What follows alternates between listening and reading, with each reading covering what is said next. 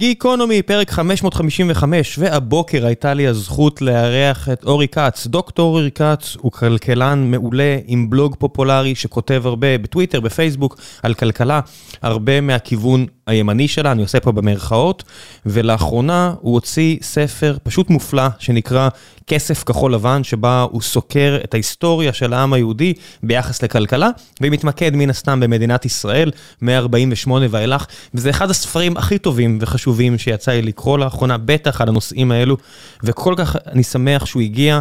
לדבר על הספר ולתת את משנתו, כדי שאולי תשתכנעו ותקנו את הספר ותקראו אותו, כי אני חושב שזה מסוג הספרים שחשוב שכמה שיותר אנשים יקראו וידונו ויחשבו על מה שנאמר שם.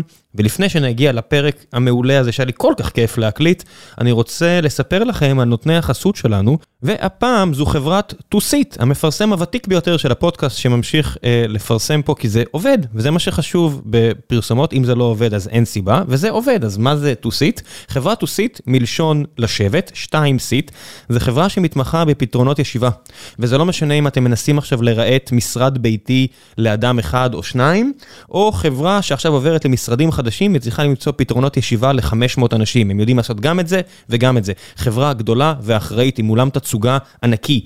בבני ברק מול קניון איילון, ביקרתי שם מספר פעמים, רכשתי משם כיסאות, אני יושב בבית על הכיסא של To Sit, הם יודעים גם לייצר אותם בארץ במפעל שלהם באזור אשקלון, וגם לייבא אותם, יש שם כיסאות במגוון מחירים ממאות שקלים ועד אלפי שקלים, לכיסאות הכי טובים והכי יקרים. החבר'ה האלה מקצוענים שידעו להתאים את הכיסא הנכון לכיס ולטוסיק ולגב שלכם. ואני אישית מאוד מרוצה, ולא רק שאני אישית מאוד מרוצה, גם כמאה אנשים שכבר קנו שם, אני מניח שזה הרבה יותר ממאזיני גיקונומי, אבל ספרתי 100 אנשים, 100 מכם, שכבר שלחו לי הודעות שכתבו, קניתי שם ואני מרוצה, חשוב לי שתדע. אז הנה, אני גם מספר לכם שזה גם מאזינים אחרים שקנו ומרוצים וממליצים, והדבר הכי טוב בחסות הזו, שיש גם הנחה מיוחדת למאזיני גיקונומי.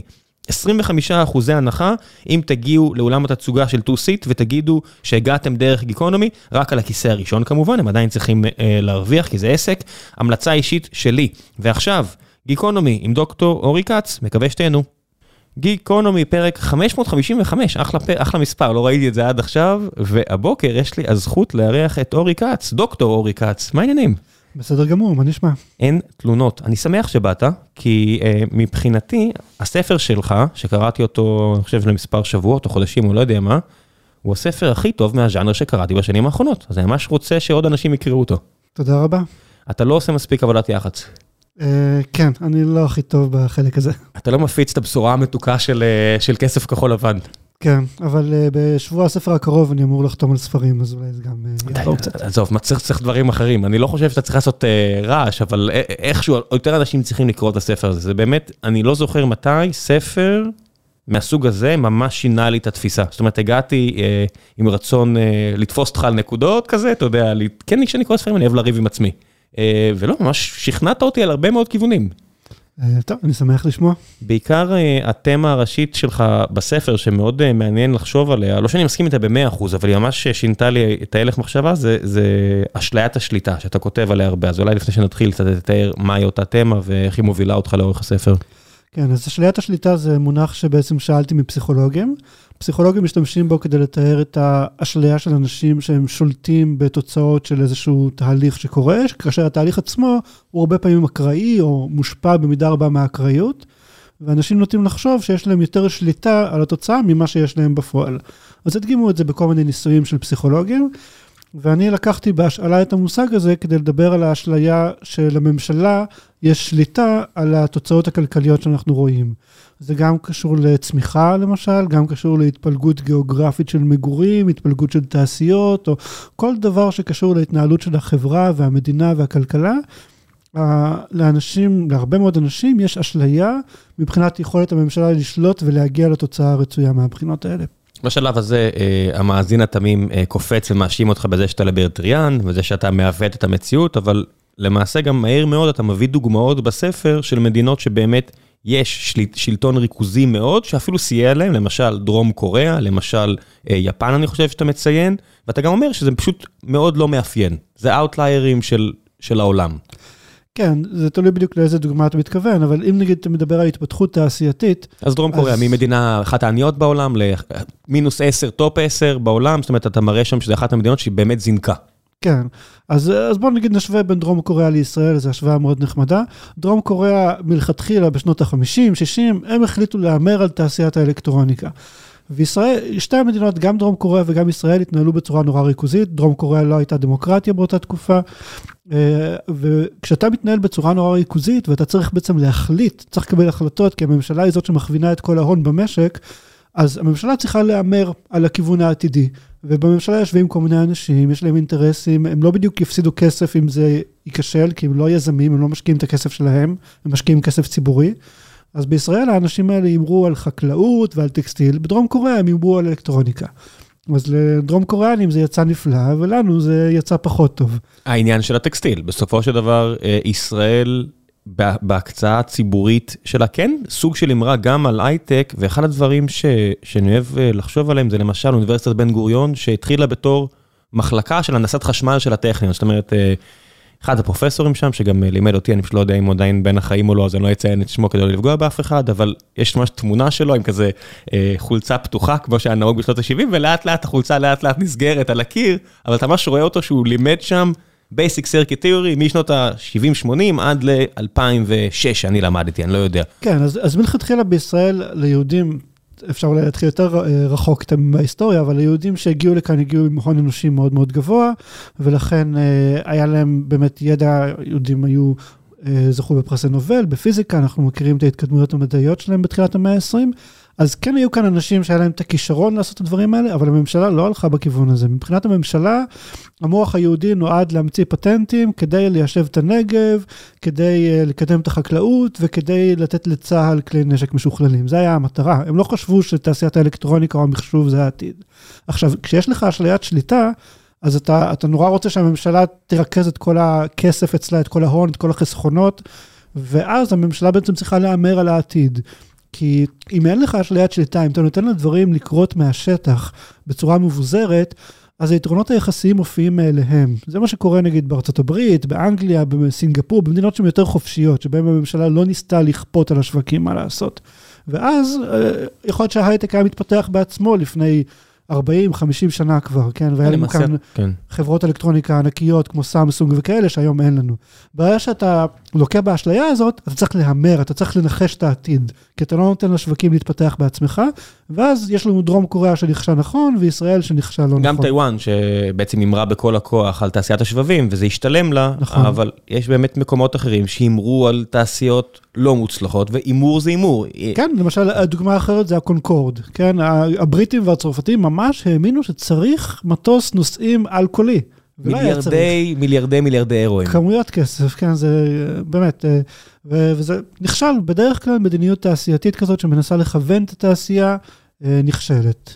אז אפשר להסתכל למשל בארצות הברית, למי שלא מכיר, כי תכף נדבר גם על פיזור האוכלוסייה והכל, אחת הרעות החולות שעדיין מכתיבות הרבה בעיות בארצות הברית, זה זונינג גיאוגרפי, אתה ממש יכול לראות בוויסקונסין ובצפון ניו יורק ובכל מיני מקומות, עכשיו היה את הפיגוע בצפון ניו יורק, איך הבן אדם הגיע והצליח לרצוח כל כך הרבה אנשים שחורים בסופרמרקט, שאנשים שחורים זה בסך הכל 10% מהאוכלוסייה. כי שלטון ריכוזי ריכז אותם במקומות מסוימים, אסר עליהם לקנות מחוץ לאזורים מסוימים, ממש עד לאמצע המאה הקודמת, וזה עדיין אנחנו רואים את הגרורות של ההחלטה המטופשת הזאתי, ואת ההשלכות הרעות של שלטון ריכוזי שמחליט אה, טוב רע. כן, אז טוב, zoning זה יכול להיות נושא בפני עצמו לפרק נפרד. כי, כי זה גם גזענות, אבל בסופו של דבר זה עדיין כן. השפעה של שלטון ריכוזי. נכון, כן. כי הם חשבו שיותר טוב להפריד, לעשות, אתה יודע, הפרדה בין שחורים ללבנים, אתה ממש רואה את ההשפעה הכלכלית היום. נכון, כן, אז בדרך כלל זה משפיע וזה מעלה את המחירים בצורה משמעותית, זה בעיה משמעותית נורא בסן פרנסיסקו, בניו יורק, בהרבה... כל ארצות הברית למעשה. נכון. גם בישראל יש קצת אה, לפעמים את הבעיה הזאתי.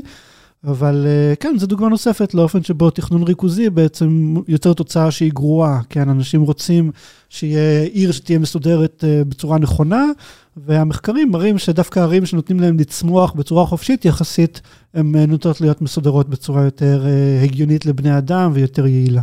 אז בוא ננטרל עוד עניין שציינת, ואני לא בטוח ש... שאני מסכים איתו ב-100%, אבל אתה כן מתייחס אליו, זה העניין הביטחוני. הרבה חקלאים... אומרים, לולא הלול שלי באזור סאסא, למרות שבסאסא בכלל מייצרים מיגון לכלי רכב, הם עושים את זה בצורה מדהימה. לולא יש לי שם לול, האזור נכבש על ידי הלבנונים. לולא אני בקדש ברנע, מגדל פלפלים, האזור הזה נכבש על ידי מצרים. זאת אומרת, יש את ההתייחסות הזו לרציונל ביטחוני, שהאדם הקטן או השוק הפרטי לא חושב עליו, או לא מעניין אותו. אז יכול להיות שהטיעון הזה היה מאוד הגיוני בשנות ה-30, בשנות ה-20. כאשר באמת היו דיונים על הגבול העתידי של מדינת ישראל, והיה ברור שהגבול יעבור איפה שעוברת המחרשה, פחות או יותר, כמו שאומרת האמרה המפורסמת. אבל היום אין בזה שום היגיון, אין שום סיבה להאמין שמפעל של תנובה שנמצא בגליל שומר על האזור יותר טוב ממפעל רהיטים או מכל מפעל אחר, אבל המפעל הזה של תנובה יקבל הרבה יותר סובסידיות. הוא גם, אין שום סיבה להאמין שלחקלאות יש איזה שהן השפעות חיצוניות טובות, זו תעשייה שהיא נורא מזהמת, היא יוצרת ריחות לא נעימים, היא, אלא, היא פוגעת בסביבה במידה רבה. כלומר, היום הטיעון הזה הוא נראה... תעשיית החקלאות? כן. באמת? אני, אני מכיר, זה מנסה משהו שאתה לא מתייחס אליו יותר מדי לעומק, על הפגיעה של תעשיית החקלאות. אני מכיר למשל שבגלל המלחמה עכשיו בסוריה, אז יש עכשיו פה הרבה יותר אבק, כי הם לא מאבדים את השדות. זה איזשהו טיעון שקראתי, שוב, אני לא מומחה בתחום, אני רק יכול לדברר אנשים אחרים שקראתי. עכשיו, יש פה איזושהי חשיבות, בטח למדינה כמו מדינת ישראל, שהייתה די חור תחת, סלחו לי על הזה, ביצות והכל, שבסוף החקלאים עבדו קשה והפכו פה אזורים לידי פנינות. בעיניי לפחות כמי שאוהב לטייל, כן. מבחינה אקולוגית יש הרבה אנשים שמצטערים על העניין של הביצות, כן. אבל לא ניכנס לזה כרגע. רוב הסובסידיות לחקלאות בישראל מגיעות ללולים ורפתות. כל דיון בנושא צריך להתחיל משם, מהעובדה שכמעט הכל מגיע ללולים ורפתות, ולא לאותם מטעי תפוזים פסטורליים שאנחנו מדמיינים. לולים ורפתות זה מפעל, כמו כל מפעל אחר.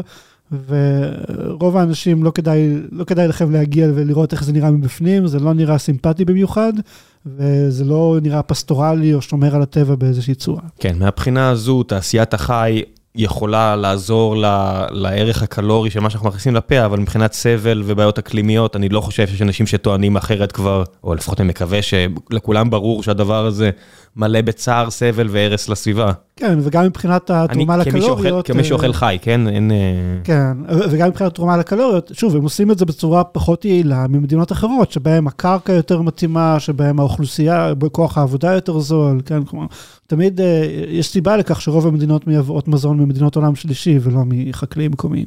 כן, אז בואו נתייחס שנייה קצת אה, לעניין פיזור האוכלוסייה, לא מהפן הביטחוני. בסופו של דבר, אה, ישראלים, לא רק שאוהבים להביא ילדים, אנחנו outlier מהבחינה הזו, אני חושב שזה משותף להרבה מאוד ישראלים, חוצה מגזרים, חוצה סוציו-אקונומי, זה באמת משהו שהוא די מאפיין לישראלים, אבל אנחנו גם אוהבים לקלוט רק יהודים, מן הסתם, אפשר להגיד מה שרוצים להגיד, אבל אוהבים לקלוט פה יהודים מכל העולם, לאורך השנים, והפיזור הזה, שזה היה שלטון ריכוזי, זאת אומרת, אני מניח שהרוב רצו, הרוב לא בחרו לגור בירוחם, דימונה ויישובי הצפון ושלומי, די דחפו אותם לשם בכוח, והדבר הזה כן אפשר, לא יודע למשל לקלוט, למשל אשתך הגיעה מאוקראינה שנות ה-80-90, זה כן אפשר לקלוט אנשים כי אזור גוש דן לא ערוך לכמות כזו של אנשים בסופו של דבר. אז יש כאן שני דברים. דבר ראשון, מבחינת הרצון להגדיל את האוכלוסייה, באמת זה מעלה שאלה גדולה שמרחפת מעל מדינת ישראל ואנחנו לא מתעסקים בה, וזאת השאלה,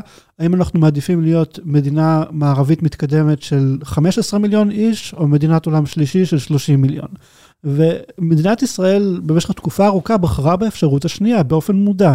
אנשים... בוחרת, בוחרת. בוחרת, בחרה ובוחרת. עד שלא נשנה את זה, אני, אני רוצה להדגיש שזה בוחרת. זה בחירה שלנו לגדול scale to infinity. נכון. 30 זה בסך הכל בחרת את הנקודה של 2112, לא יודע באיזה שנה זה מגיע במודל, כן. אבל בקצב הנוכחי זה מתפוצץ לאינסוף. נכון, נכון. והם בחרו בזה באופן מודע כבר ב-48, כשהחליטו להביא לכאן את כל העולים, גם מאירופה, גם מארצות המזרח. הם אמרו, הם ידעו שרמת החיים תרד. אבל היה יותר חשוב שיהיה כאן הרבה מאוד יהודים, ובסדר, היה בזה הרבה היגיון, אפשר להבין את ההיגיון בזה. ועכשיו אנחנו עוד פעם עומדים בפני הבחירה הזאת. עכשיו, יש את הסוגיה הזאת, סוגיה אחרת זה הפיזור הגיאוגרפי. מבחינת הפיזור הגיאוגרפי, אתה יכול בקלות לשים עשרה מיליון איש בין גדרה לחדרה, אם תהיה בצפיפות של לונדון ופריז וכל מיני ערים גדולות בעולם. הערים בישראל הן מאוד לא צפופות. אתה לא צריך שטח בשביל להכיל כמויות אוכלוסייה כאלה גדולות, אתה לא צריך ליישב אנשים באמצע הנגב, הדברים האלה הם לא קשורים אחד לשני. אז פה אני רוצה להתייחס לכמה דברים שחשבתי עליהם, וקראתי את הספר שלך, וממש שכנעת אותי מהבחינה, באמת, כבאר שבעי זה מן הסתם לשעבר, אה, או בורן ריי, זה מסוג הדברים שאני חושב עליהם הרבה. אה, וכן, אחד הדברים שאתה מציין שם זה שהכריחו אנשים. הכריחו, אתה יודע, ההורים שלי בחרו להגיע לשם בשנות ה-70, פציעות העבודה, אתה יודע, אמא שלי רופאה, אמרו לה ששם יהיה טוב, אה, והיא השתכנעה, אבל הרבה מאוד אנשים אחרים הורידו אותם עם משאיות, ואתה מתאר שם אפילו, את כל הפשעים האלה נגד מה שנקרא ישראל השנייה היום, שזה מהגרים פשוט מצפון אפריקה ועיראק, כמו חצי הילד שלי, אני יודע מה, ומי שיצא החוצה, סימנו אותו אפילו, ומנעו ממנו תעסוקה, דברים באמת שפלים בצורה יוצאת דופן, אבל, אבל, אבל, בסופו של דבר, אה, יש לזה גם ערך, לא? זאת אומרת, התכנון המרכזי הזה, זה שפרסת את זה, אפילו חדרה, גדרה, אפילו רחובות, בסופו של דבר, זה תכנון מרכזי. כן, אבל זה לא הצליח. קודם כל, שיעור האנשים שמתגוררים באזורים האלה, בנגב, בגליל, הוא אף פעם לא גדל, למרות שכל הממשלות אמרו שהם ישקיעו בפריפריה, ובן גוריון הבטיח להפריח את הנגב. סוגריים יהודים. אז אנחנו תכף גם נדבר על זה, שבדואים זה אזרחי ישראל, ואנחנו צריכים להתייחס גם לזה, איך אתה, איך אתה עושה, ואם אתה רוצה אפשר כבר עכשיו, כי איך שאני מתחיל לחשוב, אני אומר, אוקיי, האוכלוסייה הבדואית שהייתה עם עשרה ילדים לאישה, עכשיו זה ירד לחמישה לעניות דעתי, אבל זה גדל מאוד. עצם הקיום של באר שבע, כרמית, לא יודע מה, אז זה כרגע סיוט, אבל איפשהו עבורם, עבור האוכלוסייה היהודית, שהם שומעים ירי באוויר ויש היעדר משילות, אבל איפשהו בעיניי זה גם נותן איזושהי אופציית תקווה, כי יש שם יישובי קבע, שבהינתן התמריץ הנכון, אותם בדואים יסכימו להגר אליהם, לא יהיה נעים בהתחלה, אבל לפחות נותן איזושהי תקווה לפתרון. אם זה לא היה זה, אני מדמיין עכשיו רבע מיליון בדואים באוכלוסייה שאין בה יהודים, ואני אומר, אוקיי, מה עכשיו?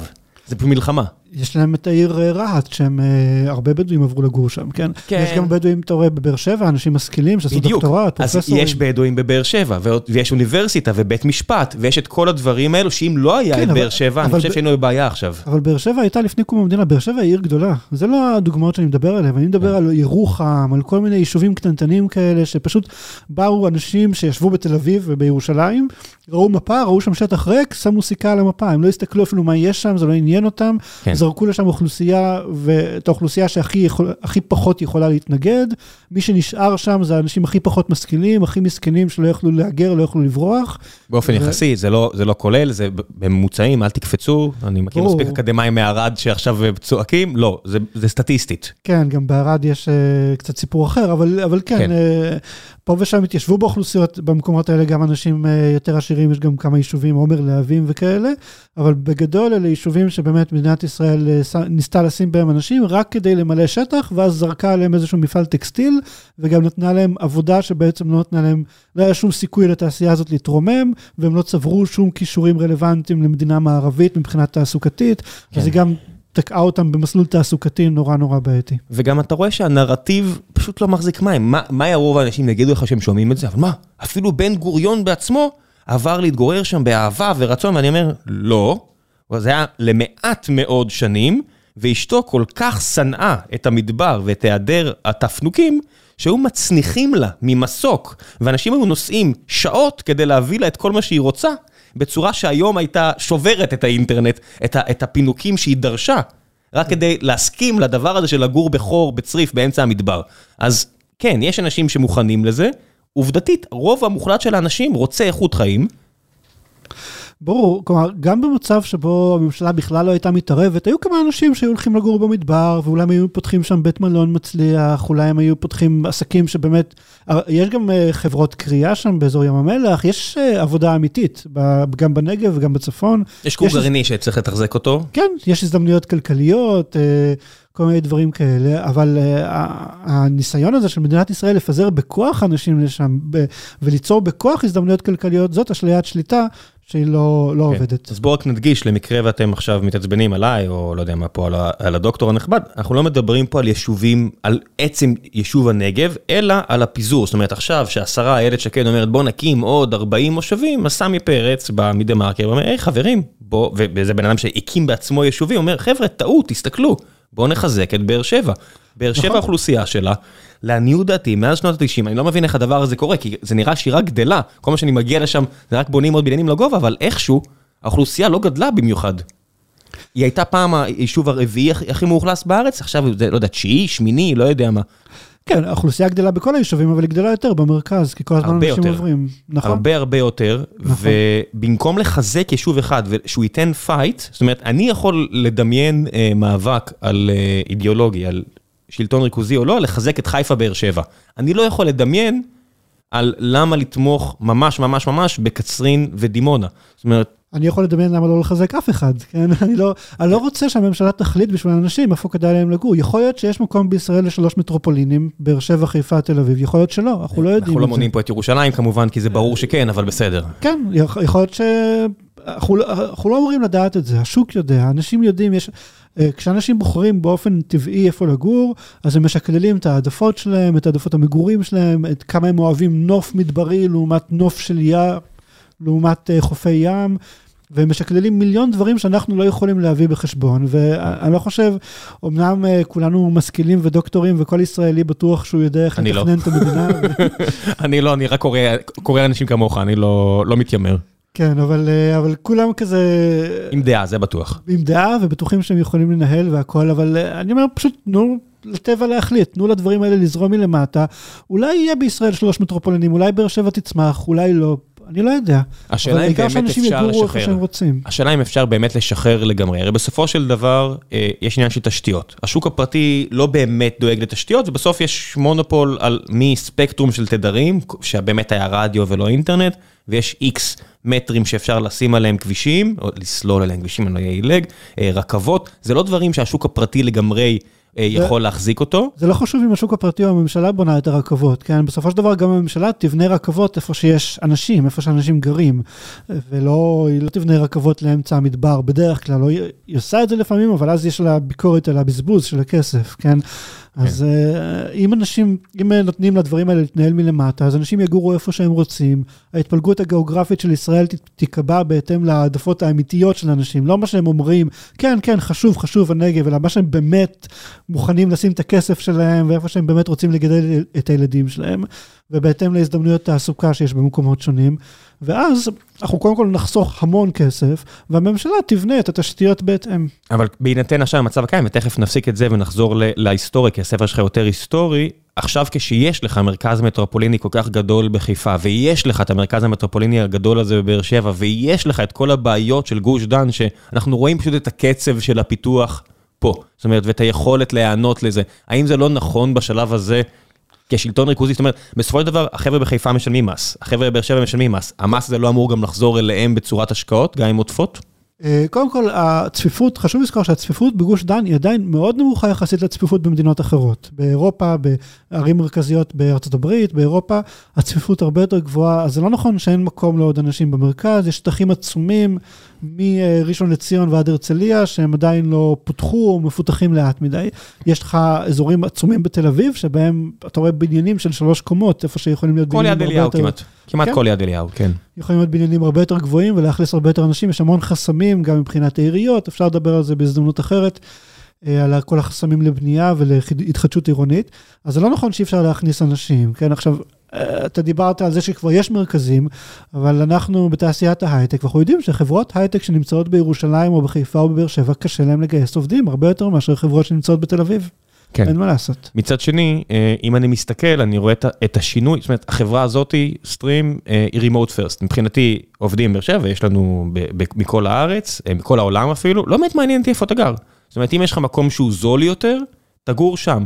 אני רואה שגם ההבטחה הגדולה חוזרת ברוב העולם, כשאפל מחזירה עובדים ועוד אנשים מחזירים עובדים, אבל אם יש תקווה כלשהי לפיזור מבחינתי, זה, זה, דרך, זה הדרך הזו. יכול להיות, וזה, וזה בדיוק מה שיפה בשוק החופשי. אם נגיד עכשיו, בזכות העבודה מרחוק והטכנולוגיות החדשות והזום וכל זה, אנשים ירצו לשנות את ההתפלגות שלהם, בוא ניתן להם לבחור. אולי הם כן. ירצו, אולי לא, אולי הם יעדיפו עדיין שהילדים שלהם יהיו יג, אה, בבית ספר בראשון לציון ולא בבאר שבע. יכול כן. להיות. השאלה היא, אה, וזה משהו שהספר שלך מתחיל די ב-48. ועכשיו אני מבטיח שסוג של, אבל רוב ההיסטוריה שם זה ממש שאתה ממש עובר על אה, מקום המדינה, מתרכז בשנות ה-80 החשובות, הקמת ההייטק, העלייה. אה, ההיסטוריה לא התחילה ב-48, כמו שאם עכשיו נחליט שמשנים כיוון, זה לא מתחיל עכשיו. זאת אומרת, כשאתה מסתכל נגיד על החבר'ה של אה, בית שאן, ומסתכלים על המושבים היפים מסביבה, אומרים, רגע, אצלי לא יפה, שם כן יפה. שם זה היה כסף ציבורי, פה לא השקיעו מספיק. אמנם זה הרבה עבודה קשה שמושבניקים וקיבוצניקים עשו, אבל בסוף היה להם תקציב לזה. כסף זרם אליהם בצורה לא פרופורציונלית לאחוז שלהם באוכלוסייה, ולא משנה שהם שירתו יותר בצבא או לא משנה מה, כסף זרם לשם בצורה לא פרופורציונלית. אנשים אומרים, בוא נתקן קודם את העבר, ואז תגידו תשחררו את הרסן. כן, אז אה, קודם כל, הספר שלי מתחיל בנפילת בית שני, ולא כן, בזה. נכון, אני מקבל את התיקון. אתה כן, מתחיל שם יפה באמת על האוריינות היהודית, אה, אתה צודק, שכחתי את זה כבר, שמההתחלה. כן, אז אני מסביר שם באופן עמוק גם את השורשים של ההון האנושי הגבוה בישראל, וגם את השורשים של המסורת הדמוקרטית שלנו, ומאיפה הגיע כל האמון בשלטון, ודברים בעצם שמאפיינים מדינות מערביות, ולמה אנחנו מלכתחילה מדינה מערבית ולא מדינה מתפתחת. עכשיו, בנוגע למה שאמרת על אה, בית שאן, אז זה עוד פעם מחזיר אותנו לאשליות השליטה. כשישראל אה, כבר בשנות ה-20, או אפילו לפני כן, ההתיישבות בישראל נוהלה בצורה ריכוזית על ידי מוסדות ציוניים שהעבירו כסף של תורמים עשירים, אה, בהתחלה רוטשילד היה ואחרי זה הרבה אחרים, והם אה, הקצו את הכסף הזה בצורה נורא ריכוזית, כתוצאה שוב מאיזושהי אשליה שכאילו הכל צריך להתנהל ככה מלמעלה. עכשיו, זה לא היה בדיוק אשליה, זה גם היה הכרח של המציאות, אז קצת קשה לבקר אותם על זה. אבל ה... כשאתה מנהל את הכל בצורה ריכוזית, אז הכסף נוטה להגיע לאנשים שהם קרובים לצלחת, לאנשים שהם דומים לך, לאנשים שאוחזים באותה אידיאולוגיה כמו האנשים שנמצאים בשלטון. אז זה לא נורא מפליא שהקיבוצים קיבלו חלק הרבה הרבה יותר גדול מהאמנה ממה שהיה. כן. עכשיו הדבר הזה, כמו שאמרת, יוצר בעיות שנשארו עד היום, כי עכשיו רוצים שיפצו, רוצים להציע איזשהו פיצוי. אז גם את הפיצוי הזה אתה צריך לעשות בצורה ריכוזית. אז בשנת 77' היה את המהפך, ו... עיירות הפיתוח פתאום קיבלו הרבה מאוד כוח פוליטי, ועכשיו הם רצו כוחות, אז פתאום היה לך את דוד לוי שמנסה למנוע כל מיני רפורמות כדי להעביר עוד קצבאות לעיירות הפיתוח. אז כאילו זה, זה יוצר בעיות שנמשכות ככה אל העתיד. כן, מי שלא מכיר, אתה, וגם קראתי אצלך, שאחד ה... וגם בספר האמת של עמית סגל, שגם היה ספר ממש מומלץ שאני ממליץ, עליו, ממליץ לקרוא אותו, על ראשי הממשלה, אה, שבגין, בתור אה, יחסית נציג של ישראל השנייה, הבשורה המתוקה, ידה ידה ידה, די ניסה כמעט לדפוק את ה... ולא בגין, וממשיכה ונסע, כי הוא בתקופה הזאת כבר לא כל כך איתנו, ניסו אה, די לתקוף את אה, תוכנית הייצוב. זאת אומרת, מי שהיה נגד תוכנית הייצוב, זה בצורה מאוד מפתיעה, חברי ליכוד. אה, כן, כי הוא הובלה על ידי פרס, והם חשבו שהוא מנסה לעבוד עליהם עם ההסתדרות ולארגן איזה משהו ככה מאחורי הגב, שהוא יצא הגיבור של כולם והם יצאו הרעים, כן? אז היה שם הרבה חוסר אמון בין שני הצדדים.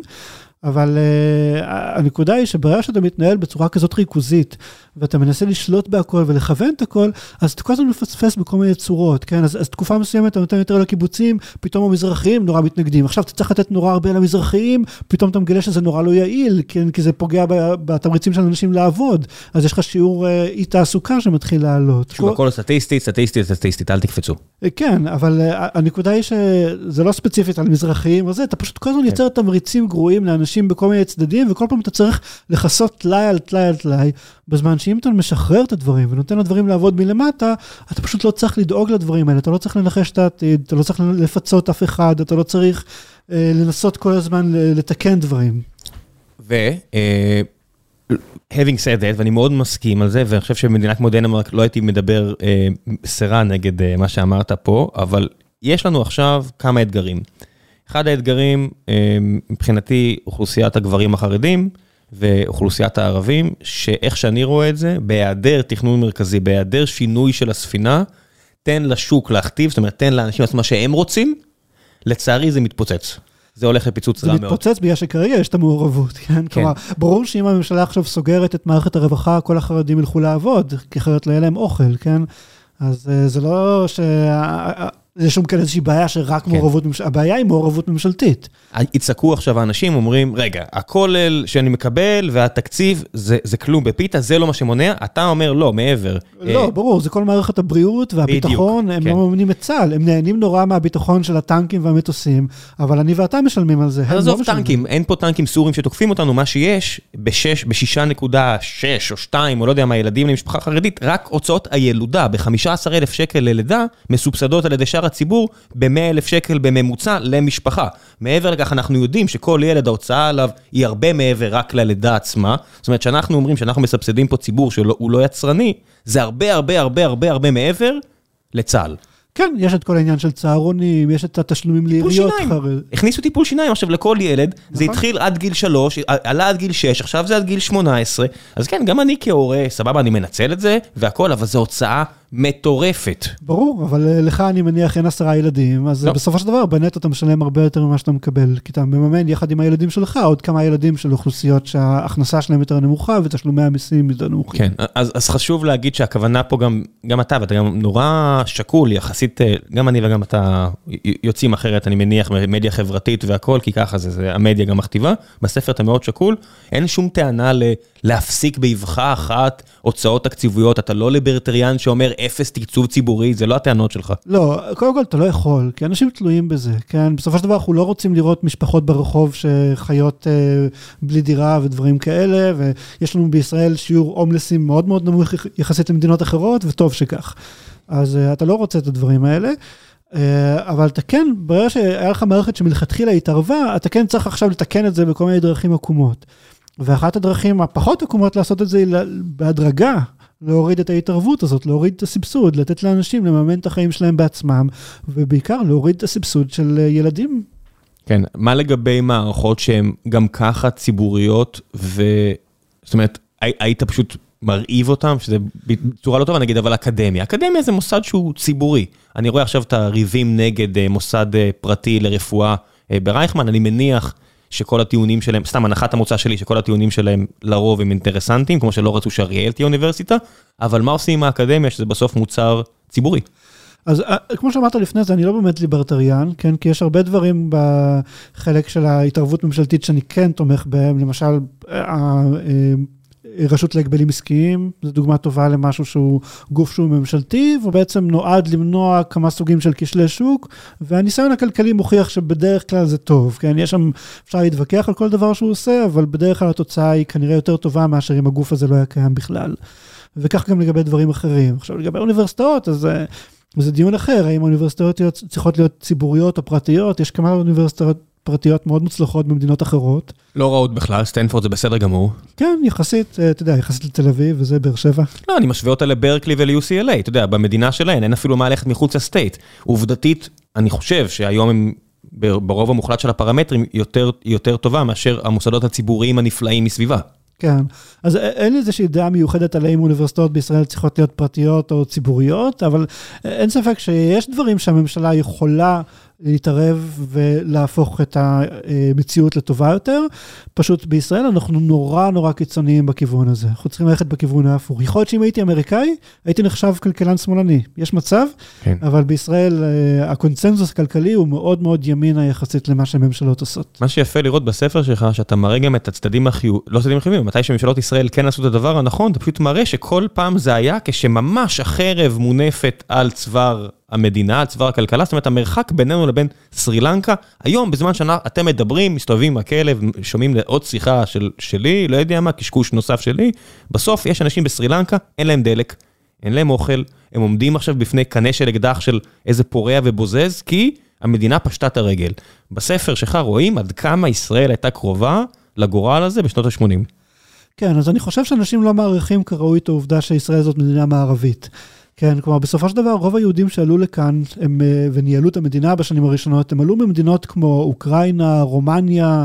אה, מולדובה שהמשפחה שלי שזה באמת חור תחת יוצא דופן. כן, וכמובן, עיראק, איראן, כל מיני מדינות כאלה שהן לא דמוקרטיות, הן עד היום, אה, חלקן, לא, רובן לא דמוקרטיות, הן די עניות. כל המדינות האלה שמנינו, הן מדינות נוראיות. צריך להגיד את האמת, תימן, עיראק, איראן, מולדובה, אוקראינה עשתה כיוון לכיוון נכון, אבל הפכה להיות אזור קרב נוראי. כל המדינות האלה זה מקומות שהם פחות טובים מישראל. נכון, ואיכשהו בכל זאת אנשים שעלו מהמקומות האלה הצליחו לייצר כאן מדינה שהיא, אפשר להגיד, מנסה להתחרות עם בריטניה ושוודיה ושווייץ ומדינות כאלה. אז, אז צריך לקחת את, ה, את העובדה הזאת ובאמת להבין שזה זה כן הישג. וההישג הזה נובע גם מההון האנושי הגבוה וגם מהאמון של אזרחים בשלטון, העובדה שאף פעם לא הייתה כאן מלחמת אזרחים, למרות אלטלנה, למרות רצח רבין, למרות כל הדברים האלה, יש כאן רמה גבוהה של אמון ושיתוף פעולה. אה, אני חושב שתוכנית העיצוב של 85 מדגימה את זה טוב, כי היו דברים כאלה גם בארגנטינה ובמקומות אחרים, ומדינות שהיה להם גם בעיות כאלה של אינפלציה גבוהה או בעיות אחרות דומות, והם לא הצליחו לפתור אותם. ואנחנו כן הצלחנו לפתור, לא בגלל שאנחנו איזה שהם גאונים, אלא בגלל שברגע האמת, פרס ושמיר היו מסוגלים לעבוד ביחד. וזה משהו שהוא יוצא דופן. הרבה מדברים, זאת אומרת, אתה שומע היום בהרבה טיעונים, אנשים שאני מאוד אוהב ומעריך, באמת, אומרים, ישראל נהרסה בשנות ה-80. עברנו להיות ניאו-ליברליזם, אני מתגעגעת לשם, אני מתגעגע לשם, ואני, זה אנשים שמן הסתם היו צעירים מאוד, ברובם בני 40 ו-50 שאני מדבר איתם, בשכבת הגיל שלי, או 30 פלוס, הם לא חיו בתקופה הם לא זוכרים מה קרה פה, כנ"ל לגבי מערכת הרפואה הפרטית, ובגלל זה גם היה לי את הפרקים שהקדשתי למערכת הרפואה, שאנשים לא זוכרים שבשנות ה-90 שוחד לרופאים, היה פה פרקטיקה נפוצה כאילו אנחנו בוליביה. ומה שטוב בספר שלך, שאתה מראה את זה בצורה כל כך ברורה, עד כמה ישראל הייתה מקום רקוב כלכלית לפני כן. כן, היה שם באמת המון פרשיות שוחד שקשורות להסתדרות ולכל הארגונים של ההסתדרות, וגם אה, לאופן שבו התנהלה הממשלה. אה, אני חושב שזה שוב קצת מחזיר אותנו לקטע של אשליית השליטה. העיקרים של הרפורמה, עיקר החלק של הרפורמה שנעשתה בשנות ה-80 והרפורמות שבאו מיד אחריה, זה היה להקטין את כוחה של הממשלה, להקטין את יכולתה של הממשלה ללוות כסף מבנק ישראל, להקטין את יכולתה של הממשלה אה, לחסום יבוא וייצוא וכל מיני דברים כאלה, ויותר משמעת תקציבית, יותר אה, לאכוף מגבלות על הממשלה, ובגלל שלאנשים יש אשליית שליטה, הם לא יכולים לחשוב על מצב שבו להגביל את הממשלה ישפר את מצב המשק. זה, זה, לא, כן. זה לא מסתדר. בעיקר בגלל קרדיט, אתה יודע, ישב פה, לא זוכר בזמן, אני חושב שלפני שנה וחצי, פרופסור בן בסט, שכתב ספר מדהים מדהים מדהים על שוק הקרדיט הישראלי, שאני חושב שאתה אפילו מצטט אותו בספר, ספר כל כך חשוב, הוא פשוט כבד, אז יותר קשה, קשה לי להמליץ עליו, עדיף, עדיף לי להמליץ על הספר שלך, כי אני יותר מאמין שיקראו אותו ולא את הספר של פרופסור כן. בן בסט, לצערי, כי זה ספר מעולה שם. אה, והוא מספר על העניין הזה של לקחת את הקרדיט מהמדינה, מהלווינסונים של המדינה, אה, ולתת אותו לשוק, שהשוק יכריע, וזה, ההשפעה היא כל כך בצורה ברורה חיובית, אני פשוט, אתה יודע, קצת קשה לי לעכל לפעמים את הדיונים האלה. נכון, אבל כשאתה מאמין שהממשלה באמת יכולה לקבוע את התוצאות הכלכליות, יכולה להפריח את הנגב ולייצר כאן צמיחה כלכלית בעצמה, אז, אז זה לא הגיוני, אז אתה אומר, בוא נעביר את כל הכוח לממשלה וניתן לה לעשות, ניתן למלאכים הגאונים האלה שמשרתים שם, אה, לנהל את המדינה ויביא אותנו למקום טוב. כשאתה אומר הממשלה, כולם הם חלק מהממשלה, כי אנחנו מצביעים לכנסת ומצביעים, אתה יודע, אנחנו לא מצביעים לממשלה, אנחנו מצביעים לכנסת, ואתה יודע, זה ייצוג של... בפועל, יושב לך בן אדם, בלי הכשרה כלכלית, אותו מר לוינסון, עד שהתאבד בשנות ה-80, וארנסט יפה, יפת?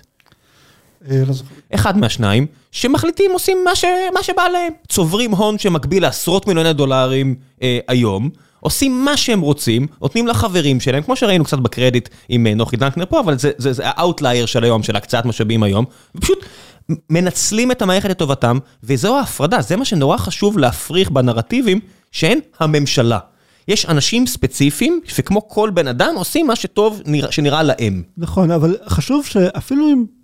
לא נשנים אותם ברשעות, לא נדבר על המושחתים. אני לא מאשים ברשעות, אני אומר, הם עושים מה שנראה להם נכון. נכון, נכון, אבל אתה מדבר על הדוגמאות של אנשים שהיו ממש מושחתים, אז גם אנשים שהם לא מושחתים, אנשים טובים, שבאמת רוצים לתרום למדינה, ובאמת רוצים אה, לתרום לצמיחה הכלכלית, ואתה שם אותם על כסף, אתה נותן להם הרבה מאוד משאבים, אז הם חושבים, אוקיי, מה יהיה עתיד הכלכלה? נראה לי ביוטכנולוגיה.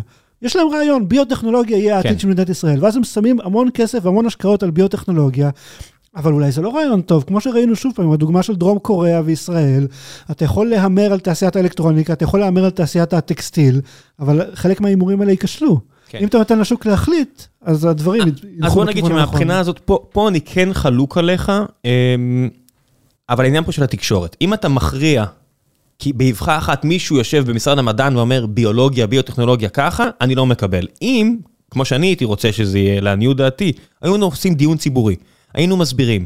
Uh, בממשלה, בכנסת, היו אומרים, תקשיבו, הנה ההימור שלנו, הנה למה אני חושב שזה הדבר הנכון, הנה הטרנד. מה שאנחנו רוצים לעשות זה לחזק את לימודי הביולוגיה בבתי ספר, להביא יותר נשים. זאת אומרת, אני יכול לבנות את התזה בראש, אתה יודע, אני רואה ביו-רפואית, 50-50 נשים גברים. הנדסת חשמל, 90-10 נשים גברים. למה? כי יש איזושהי נטייה של נשים ללכת לביולוגיה למרות שביו-רפואית זה הנדסת חשמל לכל עניין ודבר. אז הנה דרך לתקן ככה, אבל אם אתה לא מדברר את זה ואומר את זה, משאיר את זה לאפשרות הבחירה לכל הפחות לאנשים, אתה פשוט עושה מחטף, שהוא, אם אתה, אם אתה לפחות טועה, שלפחות יהיה טעות קולקטיבית.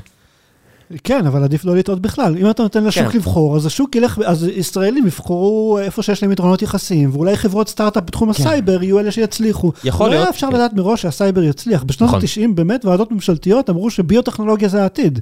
כן. ולשם הלך כסף, וזה היה בזבוז בדיעבד, הם היו צריכים כן. להשקיע בסייבר. אבל סייבר זה גם לשוק- השקעה ציבורית, אל תשכח. בסופו של דבר, הרוב המוחלט של תעשיית הסייבר, לפחות סייבר, לא StreamElements שפה אין לי אף אחד מ-81, 8249, זה לא מעניין אותי, אבל בסייבר security, באמת הרוב המוחלט הגיע מהיחידות הטכנולוגיות הצה"ליות. יכול להיות, אבל, אבל עובדה היא שלא חזו את זה מראש, הם לא, לא, לא ידעו חזו מראש. מראש.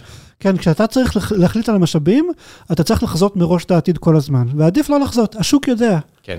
בסוף, כן צריך להגיד שלא הקימו את 81, 8249, סתם כי רצו, אלא כי היה צורך. הצורך הזה בסוף בא לידי ביטוי גם בשוק הציבורי. זאת אומרת, שעשית מטוס קרב, אין לזה באמת אה, שימוש בשוק הציבורי, פשוט היה מהנדסי חשמל טובים מפרויקט הלוי שהלכו לכל המקומות האחרים. אחרי כל- שסגרו את הלוי, אחרי שהממשלה כן. נסוגה בה מהדברים האלה. שאחרי הרבה, הרבה מאוד אנשים, אני חושב, גם התאכזבו מישראל ועזבו, ואחד הדברים שאתה מתעסק בספר זה בדיוק האלה. אנשים טובים שהתאכזבו מישראל ועזבו, כי בסוף ציונות זה אחלה, איכות חיים זה הרבה יותר טוב עבור רובנו המוחלט, והסטטיסטיקה מטורפת. זאת אומרת, אתה מראה כמה אנשים חשובים, טובים, שיכלו לתרום, עזבו את ישראל, ואתה מתחיל עם מספרים ואתה מגיע לאנשים ספציפיים. אה, כן, אז אה, כבר בעליות הראשונות, העלייה הראשונה והשנייה, אחוז מאוד מאוד גדול של אנשים התאכזבו מכך שישראל לא בדיוק נראית כמו הספרי המדע בדיוני שהרצל כתב, והבינו שזה לא הכיוון שאליו הדברים הולכים, ועזבו לארה"ב. וגם אחרי זה, בשנות ה-50, בשנות ה-60, הרבה מאוד יזמים טובים עזבו. בספר אני נותן את הדוגמה של טד אריסון, אבל כמובן שיש הרבה אנשים אחרים שאנחנו בכלל לא יודעים. אולי ההורים של מרק צוקר- צוקרברג היו מגיעים לישראל אם היא הייתה בנויה אחרת במקום להגיע לארה"ב. כן. אז אני אומר פה בדוגמה אותי, אין אולי. ההורים של רות פורט, ה-CFOית של גוגל, אחת הנשים הכי חזקות בעולם, הי- היו ישראלים. הם עזבו, כי היה פה משטר צנע, אני מניח, הייתי שמח מאוד לשאול אותם ספציפית, אבל ישראל שנות ה-50 לא הייתה מקום כיפי כמו ניו יורק של שנות ה-50, או סן פרנסיסקו של שנות ה-50. כן, אבל עבור אנשים כאלה זה לא רק עניין של משטר צנע, כן? מה שחשוב לאנשים כאלה זה בדרך כלל ההזדמנויות. ובישראל הם היו חסומים. אם אתה לא היית חלק מהמנגנון ההסתדרותי, אתה לא יכולת לפתוח חברה שמתחרה, אתה לא יכולת לפתוח בנק, אתה לא יכולת לפתוח שום סוג של חברה, אם אין לך קשר ישיר לשלטון. וזה זה משהו שבאמת פוגע ביזמים, וזה היה פגיעה משמעותית. לא רק חבר'ה כאלה שעזבו, גם היו חבר'ה שהם בוודאי יכלו להקים תאגידי על, אבל בישראל של שנות ה-50, הם העדיפו ללכת לעבוד במשרד האוצר או משהו כזה, כי, כי זה ההזדמנויות שיש במגזר הציבורי. ואז במקום לנצל את היכולות שלהם כדי באמת להקים כאן את סמסונג הישראלית, שתעסיק היום עשרות אלפי אנשים בשכר מאוד גבוה ותייצר סמארטפונים או whatever, במקום זה אותם אנשים הלכו לעבוד עבור הצבא, אז הם היו טייסים, אז הם היו אה, פקידים במשרד האוצר, הם היו משהו אחר. אתה בעיקר רואה פוטנציאל אנשים מבוזבז ב- ביכולת לעשות את המשחק המחשבתי של שם את האנשים בעיירות פיתוח או בשכונות עוני בכוח, לא, לא עשית עם זה שום דבר מעבר לרצון שלך לשלוט, אבל בעצם גם אפילו לא עשית את זה כמו שצריך, ואז אתה רואה אנשים כמו נציג כזה או אחר של משפחת אברג'יל, שאני קורא על אותו בן אדם, ואני אומר, בואנה, הבן אדם הזה יכל להיות יזם על. אתה רואה את היכולת, את הגרוף פרסונליטית, בן אדם שלמד בכלא, אני חושב, תואר במשפטים, אתה רואה שהוא גו גלר, אתה רואה שהוא אגרסיבי, כמו שצריך להיות הרבה פעמים בעסקים, סופר מוכשר, אבל בגלל שהוא היה בשכונה הלא נכונה, כי זרקו את המשפחה שלו במקום הזה ולא נתנו להם את האפשרויות, הוא הפך להיות מה שהוא הפך להיות, וזה טרגדיה אנושית בסקייל עצום. נכון, נכון, ולא רק הפושעים, כמובן, אנחנו רואים בהייטק, אני לפחות רואה הרבה מאוד אנשים ממוצא מזרחי, שהיו בעצם צריכים לעשות את הדרך הזאת בעצמם, אחרי שההורים שלהם נשלחו לאיזשהו מקום בפריפריה, ואז היה להם יותר קשה ללמוד, יותר קשה להגיע בעצם, ולקח להם איזה שתי, שתי דורות בעצם להשלים את הפער הזה, שהם יכלו להשלים אותו הרבה יותר מהר. כן, הטענה היא, יודע, ש- שאני מאמת את, את הדברים האלה בזכות ספרים כמו שלך, עם אנשים של הממסד הישן, הם אומרים, אבל תראה, אבל בכל זאת הצלחנו לקלוט בשנות ה-50-60, כל כך הרבה אנשים שגרו לידי אה, בבאר שבע, ותמיד יש את הטענה של, תראה, הצלחנו, נס גדול, וזה בזכות ההחלטות, וזה גם אשליה מאוד גדולה. כי א' כל אתה מראה בספר שישראל באופן יחסי, ביחס למדינות מעליה ומתחתיה, בכל המדדים, לא השתפרה יותר מדי, אנחנו מתקדמים בקצב שזה מגניב גם להישאר באותו קצב, ואני לא מזלזל בזה, אבל לא עושים איזושהי קפיצת מדרגה אף פעם ביחס לשאר העולם, ומצד שני אתה לא יכול לדעת אם היית יכול לעשות הרבה יותר טוב. כן, אבל אני כן מסכים איתם שהקליטה של העלייה הגדולה הייתה הצלחה. כן, זה גם, בטוח. גם הקליטה של העלייה הגדולה וגם הקליטה של העלייה הרוסית בשנות ה-90. 70, 90 וצפון אפריקה שנות ה-50, מדהים, מדהים, מדהים. כן, זו הייתה הצלחה בקנה מידה עולמי, היא נבעה אולי גם ממדינות הממשלה וגם מהעובדה שאנשים כאן ממש רצו לקלוט את העולים, אה, והיה אמון והיה את הדת היהודית שאיכשהו חיברה את כל העסק. אז מהבחינות האלה זו הייתה הצלחה, וכן הייתה נדרשת מעורבות ממשלתית כדי לקלוט את העליות האלה. אבל uh, לא באותה מידה שבה זה נעשה. ואגב, בשנות ה-90 הם הבינו את זה. בשנות ה-90 הם הפסיקו להכווין את העולים לכל מיני מפעלים הסתדרותיים, נתנו להם להשתלב בעצם בתעשיית האלקטרוניקה, שאנחנו יודעים שהעולים מברית המועצות תרמו לה באופן משמעותי. וכבר קצת למדו את הלקח בקיצור.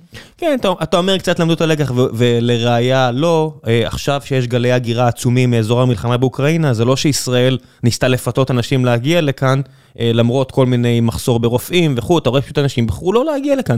אם רוצים מדד, בסופו של דבר, לכישלון של מדינת ישראל, וכישלון זה מושג יחסי, אין אפס או אחד, כישלון יחסי בחלק מהדברים, זה העובדה שבסוף הרבה יהודים מעדיפים לא לחיות פה. נכון, וזה היה כישלון בייחוד שהוא בלט uh, בסוף שנות ה-80, לפני העלייה מברית המועצות, שהיהודים מברית המועצות העדיפו ברובם לעבור לארה"ב, וישראל הייתה צריכה לפנות לאמריקאים כדי שיחסמו את ההגירה, ורק אז הם הגיעו לישראל.